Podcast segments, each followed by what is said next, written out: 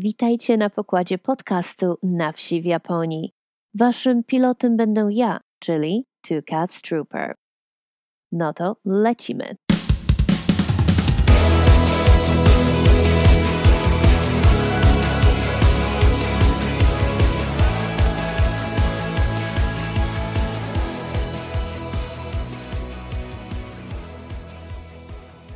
Odcinek piąty. O wyspie Yonaguni, czyli o samym krańcu Japonii. Ten odcinek pojawia się z bardzo dużym poślizgiem, za co muszę Was przeprosić. Ale po prostu byliśmy chorzy. Jak przyjechałam z Okinawy, to wybraliśmy się do restauracji na obiad i niestety podłapaliśmy jakieś zatrucie pokarmowe. Tak, Japonia nie jest krajem idealnym i nawet tutaj zdarzają się tego typu akcje. No, niestety przez te problemy nie udało mi się wypuścić tego odcinka w zamierzonym czasie.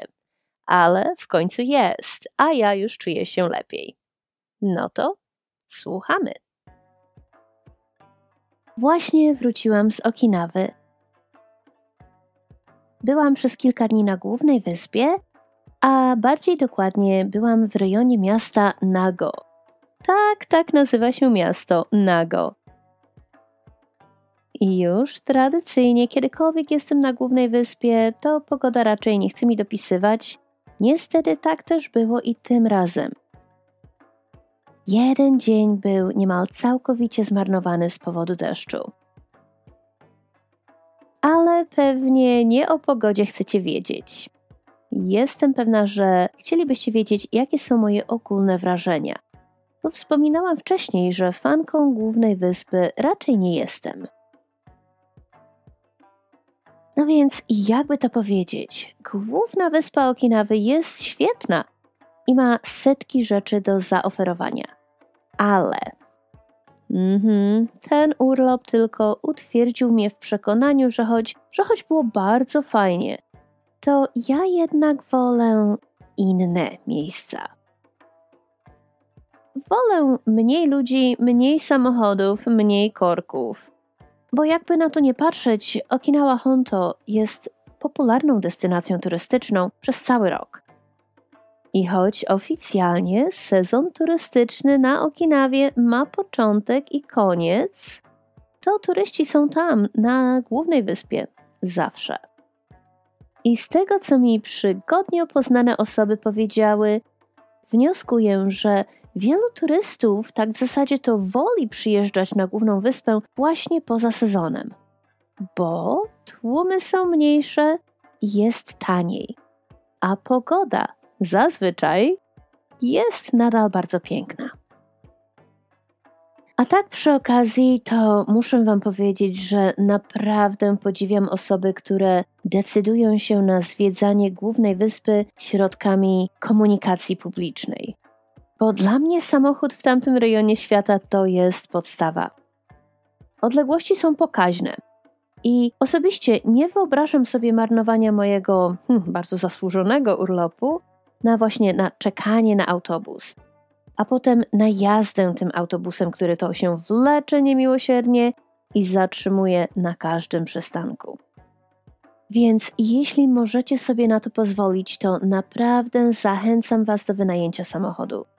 Własny transport pozwoli Wam dojechać tam, gdzie chcecie, kiedy chcecie i jak chcecie. A na Okinawie jeździ się dosyć komfortowo i bez większych problemów. Przynajmniej na głównej wyspie. I myślę, że nawet jeśli to byłby kogoś pierwszy raz um, za kółkiem w Japonii, to świetnie dałby sobie radę. Choć warto też pamiętać, że w Japonii jeździ się po lewej stronie, czyli tak samo jak w Anglii. No i przede wszystkim trzeba pamiętać o międzynarodowym prawie jazdy, ale tym wydanym według konwencji genewskiej. Okej, okay, ale dzisiejszy temat nie jest przecież o tym, jak jeździć wypożyczonym samochodem w Japonii. Nasz dzisiejszy temat to wyspa Yonaguni. Zanim odlecimy na wyspę Yonaguni, mała przypominajka. Jeśli słuchasz tego podcastu i podoba Ci się to, co słyszysz, to bardzo proszę zaobserwuj i kliknij like albo dodaj ocenę, bo każde polubienie sprawia, że następny odcinek będzie trafiał do większego grona słuchaczy. Takie wsparcie nic Cię nie kosztuje, a naprawdę wiele dla mnie znaczy. I bardzo Wam wszystkim dziękuję za każde polubienie i za śledzenie tego podcastu, bo motywuje mnie to do dalszego działania.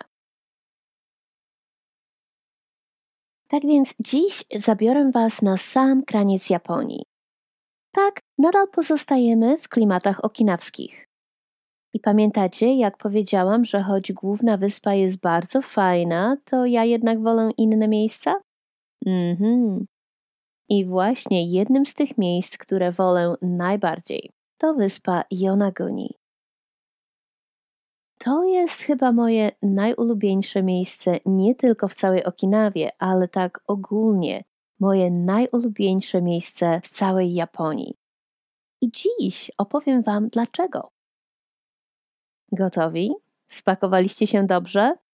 To jest bardzo ważne, bo akurat tam, gdzie jedziemy, to jest sam kraniec Japonii. Wcale nie żartuję. Choć Yonaguni należy do tej samej grupy wysp co Ishigaki, czyli archipelag Yaeyama, to dostanie się na Yonaguni wymaga już trochę więcej wysiłku.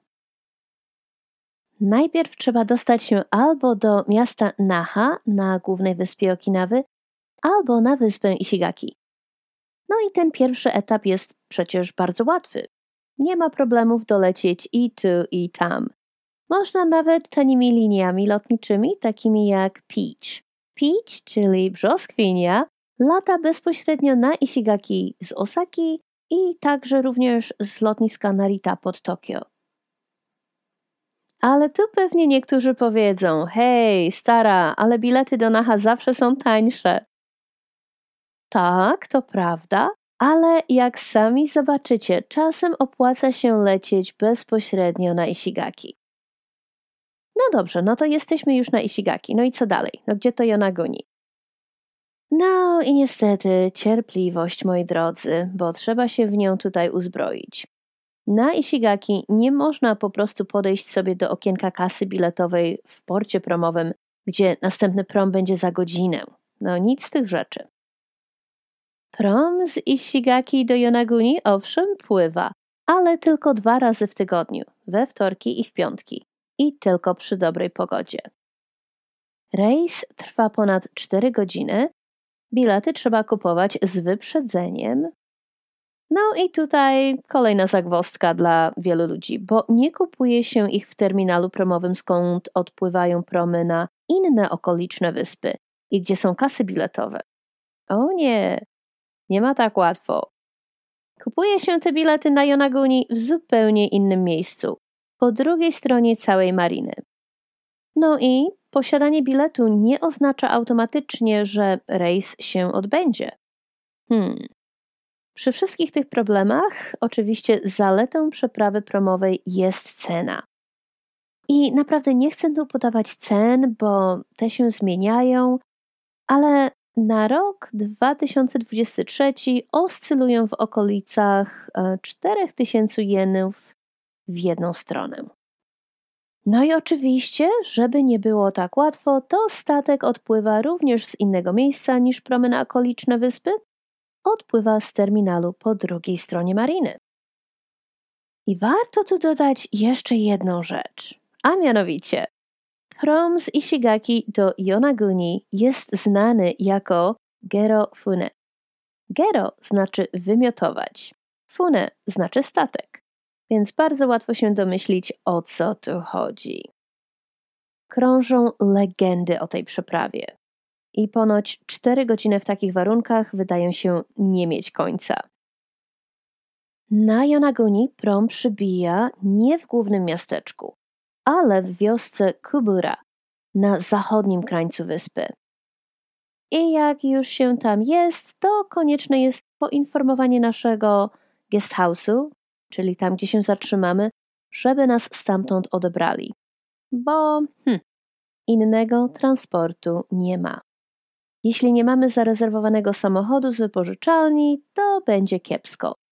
A jeśli samochód mamy zaklepany, to trzeba też powiedzieć wypożyczalni, skąd nas odebrać, bo automatycznie będą myśleli, że z lotniska. Podczas ostatniej wizyty na Jonaguni spotkałam parę z Włoch, którzy przypłynęli promem na wyspę, aby nurkować.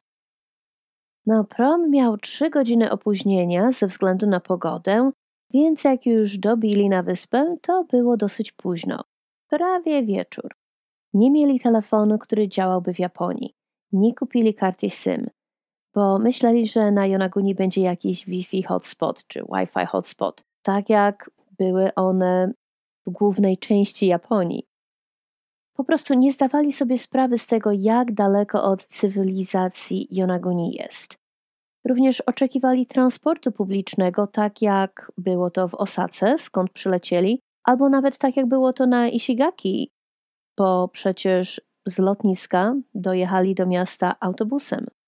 Po prostu byli zaskoczeni, jak prymitywna jest infrastruktura turystyczna na Yonaguni. No więc co miałam robić? Zlitowałam się nad nimi i podwiozłam ich do głównej wioski, bo inaczej musieliby przemierzać te kilometry na piechotę. No ale wracajmy na ten nieszczęsny prom. Jeśli koszty są dla Was najważniejsze i możecie sobie pozwolić na utknięcie na Ishigaki bądź na Yonaguni przez kilka dni, bo oczywiście z powodu złej pogody prom nie odpłynie, czyli jeśli macie dużo czasu, to faktycznie wtedy prom jest bardzo dobrą opcją. Można zaoszczędzić sporo pieniędzy, no i oczywiście musicie się również uzbroić w leki przeciwko chorobie morskiej, jeśli na nią cierpicie. Moje wakacje zawsze są bardzo napięte czasowo, bo niestety mogą brać urlop tylko wtedy, kiedy cała reszta Japonii. Więc ja nie mam wyjścia. Ja latam na Yonaguni samolotem.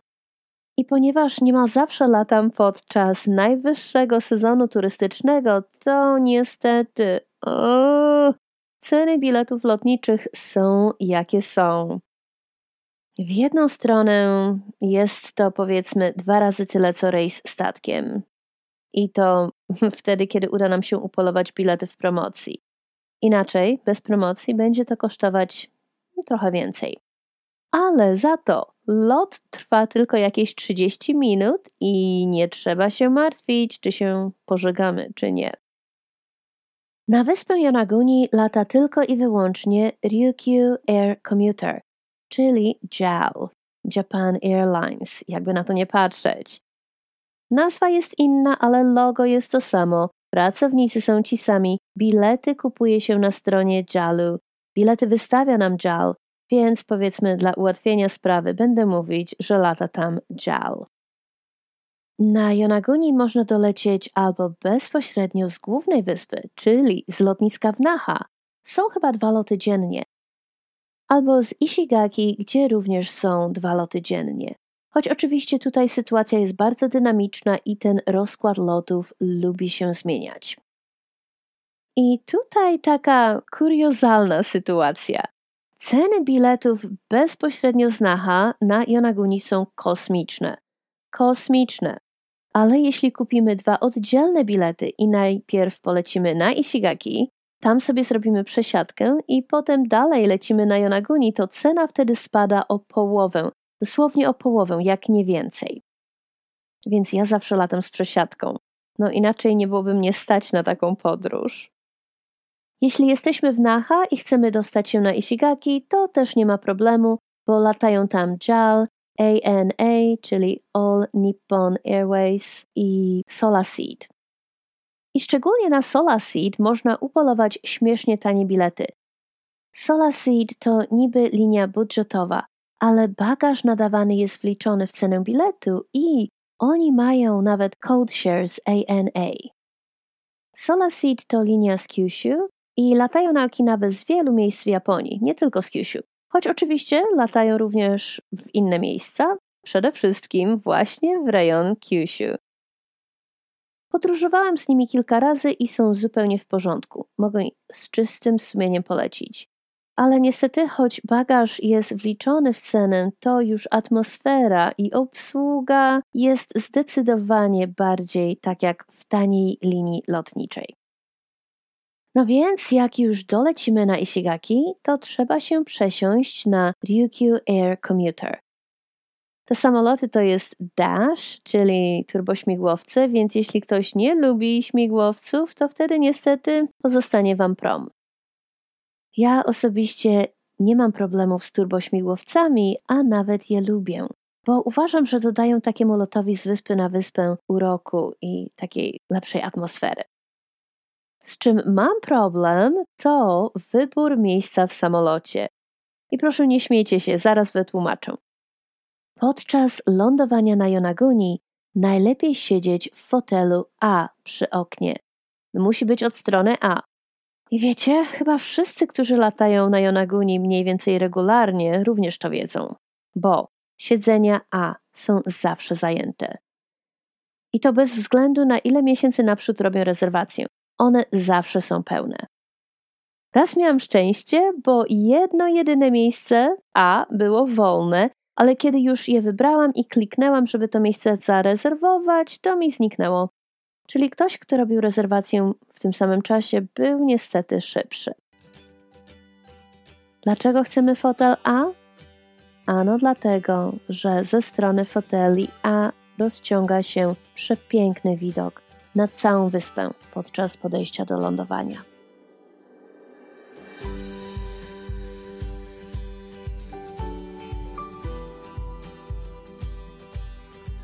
No ale jak to? Pewnie powiecie, przecież można siedzieć po drugiej stronie podczas wylotu, no nie? No, niestety, jest to tutaj trochę bardziej skomplikowane. Podczas wylotu korytarz powietrzny wiedzie w nieco inną stronę, więc samoloty skręcają niemal natychmiast nad ocean. Pytałam się ludzi, dlaczego tak jest, i powiedziano mi, że to niestety ze względu na japońskie siły zbrojne bo lotnisko na Yanaguni jest używane przez samoloty cywilne, ale w zasadzie jest to lotnisko wojskowe. I jak łatwo na Yonaguni zauważyć, baza wojskowa zajmuje również sporą część wyspy. No ale dlaczego jest tam baza wojskowa? Aha, więc tutaj możemy zacząć naszą wyliczankę, dlaczego Yonaguni jest słynne i dlaczego turyści tam w ogóle się pojawiają. Po pierwsze, każde japońskie dziecko uczy się o tym w szkole i każde japońskie dziecko wie, że Yonaguni to najbardziej wysunięty na zachód punkt kraju. Tak, Yonaguni to sam koniec Japonii. Wcale nie żartowałam. Z Yonaguni jest bliżej na Tajwan niż nawet na wyspę Ishigaki. O jeden kilometr bliżej, no ale zawsze. Więc z tego co znalazłam, to odległość do Tajwanu to 111 km, a na Ishigaki 112 albo 114 według innych źródeł. No więc niektóre źródła podają inne odległości, ale wszystkie się zgadzają, że Yonaguni ma bliżej do Tajwanu niż do reszty Japonii. I przy dobrej pogodzie można nawet Tajwan zobaczyć. No i oczywiście tak strategicznie położony punkt jak Yonaguni ma szczególne znaczenie, jeśli chodzi o obronę kraju. Tajwan to przyjaciel Japonii, tak, ale przecież Chiny są zaraz nieopodal. Stąd też mamy bazy wojskowe na głównej wyspie Okinawy. I mamy też japońskie bazy wojskowe na innych, mniejszych wyspach. Różnica jest taka, że na przykład Amerykanów widać i słychać dosłownie na każdym kroku, ale już japońskie siły zbrojne, jak dla mnie, są niemal niewidzialne, przynajmniej na Okinawie. I mówię to również jako osoba, która mieszka w prefekturze Gumma, zaraz nieopodal ogromnej bazy wojskowej. Na Yanaguni chyba tylko raz widziałam, jak lądował wojskowy samolot, Przejeżdżałam też obok bazy wojskowej na Yonaguni wiele razy, ale jeśli były tam jakiekolwiek ślady życia, to dla mnie były one niewidzialne. Wrócimy do tematu krańca Japonii za chwilę. Na razie będziemy kontynuować naszą wyliczankę, z czego słynie Yonaguni. Po drugie, konie. Jeśli tylko zaczniecie poruszać się po wyspie, to od razu się ze mną zgodzicie. Po trzecie, Klinika doktora Koto. Tytuł może być znany fanom dram z Japonii. Po czwarte, rekiny młotowate. Rekiny młoty, czy jak one się tam poprawnie nazywają po polsku. Po piąte, co zdziwieni, że tyle tego tutaj jest? Tak, jest też i po piąte. Punkt piąty to podwodne ruiny, znane również jako monumenty Yonaguni. I dałoby się znaleźć jeszcze kilka innych punktów, nieco bardziej niszowych, ale te pięć tutaj to te najbardziej znane i najbardziej popularne. No to teraz porozmawiajmy o każdym z tych punktów po kolei. Po pierwsze, Yonaguni to najbardziej zachodni skrawek Japonii. Ten fakt przyciąga chyba większość turystów na wyspę. I wiecie, przyznam się, że to właśnie to przyciągnęło i mnie. Kiedy pierwszy raz przybyłam na Yonaguni, cały mój plan składał się dosłownie z dwóch punktów: zobaczyć ostatni zachód słońca w Japonii i przejechać się na koniu. I to było początkowo wszystko. Czyli tak bardzo standardowo i tak bardzo turystycznie.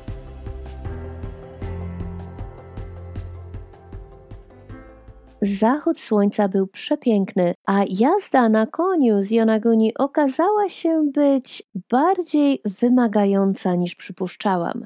A to między innymi dlatego, że jeździ się na oklep, bo jeździ się na tym koniu w oceanie. Jeśli chodzi o zachód słońca, to jest tylko jedno miejsce na wyspie, gdzie można oglądać ten jeden, jedyny, ostatni zachód w Japonii. I można to robić stojąc dosłownie kilka metrów od pomnika, przypominającego nam o tym, że właśnie znajdujemy się w najbardziej wysuniętym na zachód miejscu w Japonii. To miejsce to przylądek Irizaki. Jest tam pokaźnych rozmiarów parking i są też toalety, a uwierzcie mi, na Yonaguni toalety są bardzo ważne, bo nie ma ich aż tak dużo, szczególnie tych funkcjonujących i niezamkniętych na cztery spusty. Na przylądku jest też latarnia morska i punkt widokowy, z którego tak naprawdę to mało widać. O wiele lepsze widoki są zaraz przy barierce na tyłach latarni. A jakie to widoki? Ocean, ocean i jeszcze raz ocean. Ale jak już wspominałam, przy dobrej pogodzie można dostać niespodziankę w postaci kształtu na horyzoncie a ten kształt to właśnie Tajwan. Oczywiście turyści nie przyjeżdżają tam wypatrywać Tajwanu na horyzoncie, o nie. Przyjeżdżają tam, aby na własne oczy zobaczyć ten ostatni, czyli najpóźniejszy zachód słońca w Japonii. I tutaj takie małe przypomnienie, ponieważ wiele osób chyba nie zdaje sobie sprawy z tego, że wyspy japońskie rozciągają się w kierunku wschód-zachód, a nie północ-południe. Bo niestety wydaje mi się, że bardzo wiele osób poza granicami Japonii myśli, że właśnie jest to północ-południe. Ale ponieważ Japonia rozciąga się wschód-zachód i jest jedną strefą czasową, to mamy duże różnice pomiędzy rzeczywistymi godzinami wschodów i zachodów słońca, na przykład na Hokkaido i na Okinawie. Więc jako, że te zachody słońca w przypadku przylądka Irizaki są bardzo popularne wśród turystów, warto przyjechać tam wcześniej, żeby mieć dobre miejsce przy barierce. A w szczycie sezonu, uwierzcie mi, bo przetestowałam to na własnej skórze, na przykład w sierpniu, trzeba tam być nawet i godzinę wcześniej. Wiele osób uważa ten zachód słońca za bardzo specjalny i za bardzo romantyczny. Dwa razy miałam okazję obserwować oświadczyny właśnie w tym miejscu. I muszę się zgodzić, to miejsce ma swoją magię i doskonale rozumiem, dlaczego ci panowie wybrali właśnie przylądek Irizaki podczas zachodu słońca, aby się oświadczyć. I oczywiście w obu przypadkach ich wybranki odpowiedziały tak. Więc w jedną stronę mamy Tajwan, romantyczne zachody słońca, ale jeśli przejdziemy się wzdłuż barierki w prawo, to będziemy mieć widok na wyspę Yonaguni, a bardziej dokładnie na wioskę Kubura i okolice. Pamiętacie tę nazwę Kubura? Tak, to ta sama osada, gdzie znajduje się przystań promowana Yonaguni. No ale czy oprócz tej przystani coś tam jeszcze w ogóle jest? Mhm, oczywiście. Jest tam najbardziej zachodnia w całej Japonii poczta. Są chyba dwa centra nurkarskie, mały sklepik, dwa lokale typu izakaya, ale niestety turyści są tam wpuszczani tylko i wyłącznie po zrobieniu uprzedniej rezerwacji. Są tam też chyba trzy guesthouse'y. Jeden należy do centrum nurkarskiego, drugi reklamuje się jako najbardziej zachodni guesthouse w całej Japonii, ale ma okropne opinie w internetach. A trzeci, Eden Villa, to jest właśnie ta miejscówka, gdzie ja się zatrzymuję za każdym razem, jak jestem na wyspie. I tak na upartego to można by się dostać na przylądek Irizaki z wioski na piechotę, ale osobiście nie polecam tej opcji, szczególnie latem, bo droga wiedzie pod górkę i w lecie jest po prostu za gorąco. Naszym drugim punktem były konie. Konie Yonaguni to jedna z rdzennych japońskich ras końskich. Tych rdzennych ras końskich jest w Japonii w sumie 8 i Yonaguni to właśnie jedna z nich. I nie pytajcie się mnie proszę, bo nie mam pojęcia skąd się wzięły konie na tak odległej wyspie. Faktem jest, że są. Rasa Yonaguni jest zagrożona wyginięciem, ale akcje przeprowadzane, aby utrzymać ją przy życiu, jak do tej pory wydają się być dosyć skuteczne. Konie na Yonaguni biegają sobie po większości wyspy tam, gdzie i jak im się podoba. Są dwie tak zwane Texas Gates, czyli mm, jakby to powiedzieć, wycinki w asfalcie na drodze, przez które można przejechać samochodem, ale przez które koń już nie przejdzie. W związku z tym, jeśli jeździ się po wyspie, trzeba to robić bardzo, ale to bardzo ostrożnie. A co wyróżnia rasę Yonaguni, to fakt, że te konie lubią pływać w oceanie i lubią biegać po plaży. One są bardzo ciekawskie i niesamowicie uparte. I tak jak z innymi rasami koni w Japonii, są one mniejsze niż konie, które znamy z Europy. Czy można na tych koniach jeździć? Oczywiście, jak najbardziej można. Ale z powodu mniejszych rozmiarów konia są ograniczenia co do wagi potencjalnego jeźdźca. Maksymalna waga to 70 kg.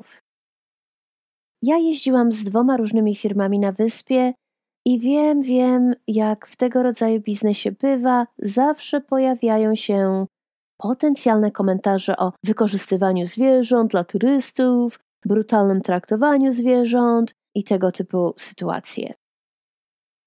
No i tutaj taka moja subiektywna opinia.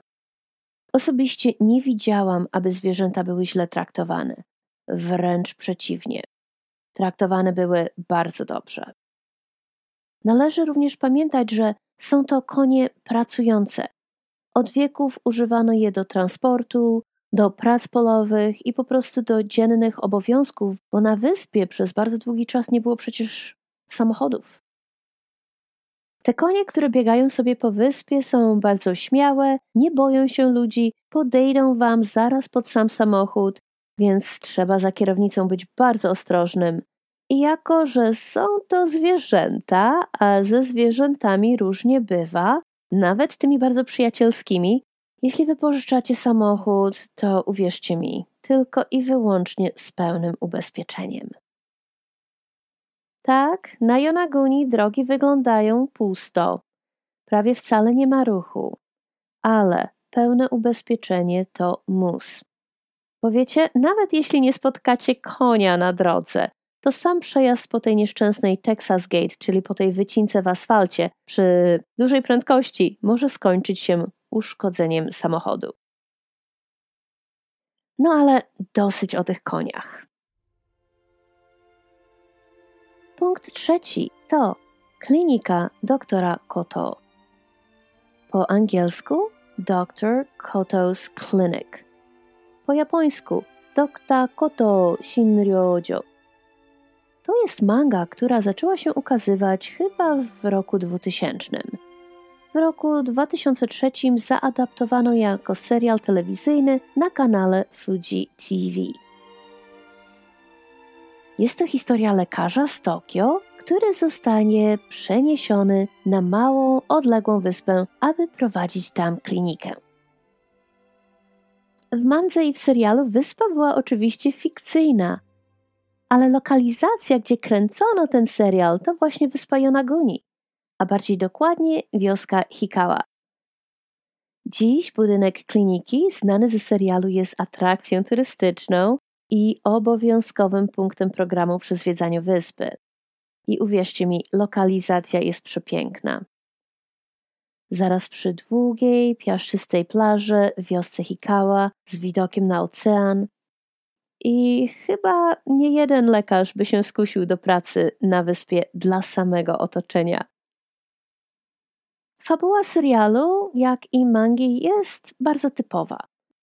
I chyba tutaj pokolenie, które oglądało produkcje telewizyjne za czasów PRL-u, doskonale zna ten schemat. Młody, przystojny lekarz przenosi się na krańce świata, aby dzielnie pomagać tubylcom, którzy mu nie ufają. Pomaga mu w tym lokalna pielęgniarka, która może ma, a może nie ma głębszych uczuć dla naszego dzielnego lekarza. I kiedy nasz doktor z dedykacją i poświęceniem ratuje życie jednego z bardziej gburowatych mieszkańców, lokalna ludność zaczyna go akceptować. No chyba każdy serial z bloku wschodniego za dawnych czasów miał podobną fabułę. Ale takie opowieści się zawsze sprawdzają i klinika doktora Koto była ogromnym sukcesem. W serialu w rolę doktora Koto wcielił się bardzo popularny aktor Yoshioka Hidetaka. Pani japońskich dram może znają to nazwisko. I tu taka ciekawostka, bo Yoshioka Hidetaka występował również w serialu Kita no Kunikara, czyli po polsku chyba z północy kraju, który to serial dzieje się na Hokkaido, czyli w najbardziej północnej części Japonii. Więc Yoshioka Hidetaka jest chyba jedynym aktorem, który występował w serialach zlokalizowanych na dwóch różnych krańcach Japonii, na Okinawie i na Hokkaido od Yanaguni aż po Furano. I tą ciekawostką można zadziwić nawet Japończyków. No dobrze, czas na punkt czwarty. Rekiny. Rekiny młoty. Yonaguni słynie z tego, że od stycznia do marca można tam nurkować z rekinami młotowatymi i że są tam ich ogromne ilości. Mój znajomy z Ishigaki, który co roku jeździ na Yonaguni właśnie na rekiny, powiedział, że te ich ławice, grupy rekinów, nie wiem jak to się mówi po polsku, są ogromne. Powiedział, że może ich nawet być do 200 sztuk w jednej grupie. Osobiście nie nurkuję, więc nie mam doświadczenia, jeśli chodzi o rekiny młotowate, ale wiem, że moi znajomi nurkowie bardzo się tym zachwycają. I właśnie to pomiędzy styczniem a marcem jest na Yonaguni najwięcej turystów. Chyba nawet więcej niż podczas wakacji letnich. Oczywiście nurków. I japońskich, i z całego świata. No i niestety tutaj zaczynają się problemy, bo o ile ludzie zachwycają się tym, co Yonaguni ma do zaoferowania, w tym przypadku rekinami młotowatymi, to również narzekają bo niestety wyspa nie jest przygotowana odpowiednio dla turystów. Brakuje miejsc do spania, brakuje miejsc do jedzenia, brakuje miejsc do robienia zakupów, czyli po prostu brakuje podstawowej infrastruktury turystycznej. Przed pandemią był tam jeden duży hotel blisko lotniska, Aerando Hotelu, ale niestety on upadł w czasach zarazy i od tej pory jedyne miejsca do spania to dosyć jakby to delikatnie powiedzieć, prymitywne guesthouse'y, hostele o powiedzmy mniej niż przeciętnym standardzie. Mniej niż przeciętnym w porównaniu do tego, co ma do zaoferowania reszta Japonii. I jak łatwo sobie wyobrazić, ten brak miejsc odzwierciedlają ceny. Niestety ceny są wysokie. Płaci się dużo, a dostaje się, hmm, mniej niż przeciętną jakość.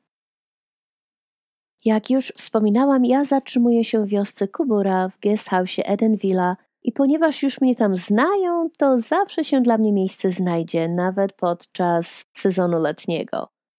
Ale też z drugiej strony ja rezerwuję pokój na sierpień już chyba w kwietniu. No i teraz po piąte. Skoro już jesteśmy w temacie nurkarstwa, to jest jeszcze jedna rzecz pod wodą, z której Yonaguni słynie. A mianowicie Yonaguni Underwater Monument, czyli podwodne monumenty Yonaguni. Znane też jako podwodne ruiny Yonaguni. Odkryte zostały chyba w 1985 roku przez lokalnego nurka właśnie w sezonie na rekiny. No i wiecie, nie wiem dlaczego tak późno je odkryto, bo przecież niemal widać te kamienne formacje pod wodą z suchego lądu. Wystarczy wleść na jakieś skalne urwisko na wybrzeżu, mieć lornetkę i przy dobrej pogodzie, kiedy woda jest przejrzysta, widać, że pod powierzchnią coś tam jest. I nie wierzcie nurkom, którzy mówią, że jedyny sposób na odwiedzenie tych ruin to właśnie nurkowanie. Można tam snorkować. Ja snorkowałam. Ale ostrzegam, trzeba być dobrym pływakiem. Prądy są silne i trzeba mieć na wódce skipera, który w razie kłopotów wyciągnie nas z wody. Jest w tej chwili na Jonagoni firma, która oferuje drift snorkeling, żeby zobaczyć te podwodne ruiny i chyba właśnie taki drift snorkeling w zupełności wystarcza. Wrzucę Wam link do tej firmy w opisie do odcinka. No i teraz pytanie za milion dolarów. Czy są to struktury naturalne, czy robione ludzką ręką, czy może robione przez kosmitów? Hmm. Według mnie to oczywiste, że te kamienne bloki to wytwór natury. Bo kiedy jest się na powierzchni wody i ogląda te ruiny i podniesie się głowę, to wtedy widać, że to, co jest nad wodą, to kontynuacja tych samych skał. Formacja jest zupełnie taka sama. Tyle, że to pod wodą, to wtedy te proste linie nabierają, nie wiem jak to powiedzieć, dużo bardziej tajemniczej poświaty. No a teraz po szóste. No co, nie było szóstego punktu? No to teraz jest. Bo mi mąż przypomniał, że choć my tutaj w domu jesteśmy niepijący, to jednak ludzie na świecie doceniają dobre alkohole. A na Yonaguni mamy bardzo słynny i ponoć bardzo dobry rodzimy alkohol. Nazywa się Hanazake i jest rodzajem okinawskiego alkoholu, czyli awamori. Ale w przeciwieństwie do normalnego awamori, Hanazake jest dużo bardziej silniejszy. Procentowa zawartość alkoholu w zależności od wytwórni i rodzaju Hanazake to od 45% aż do 60%. Hanazake można produkować tylko i wyłącznie na Yonaguni. I są tu trzy wytwórnie tego alkoholu i tylko one mają odpowiednie pozwolenia w całej Japonii na produkcję trunku o tak wysokiej zawartości alkoholu. Z tych trzech wytwórni wygląda na to, że tylko jedna chce się przebić na światowe rynki i wrzucę link do niej w odpisie do odcinka. No i po siódme. O, czekajcie. Chyba trzeba będzie zrobić jeszcze jeden odcinek o Yonaguni, bo dopiero co zaczęłam przybliżać Wam tę wyspę. A mam jeszcze tyle innych ciekawych rzeczy do opowiedzenia. I dzisiejszy podcast mógłby być swobodnie przynajmniej dwa razy dłuższy więc po siódme będzie musiało poczekać. Więc co myślicie? Czy warto robić kolejny odcinek o Yonaguni? Dajcie mi znać.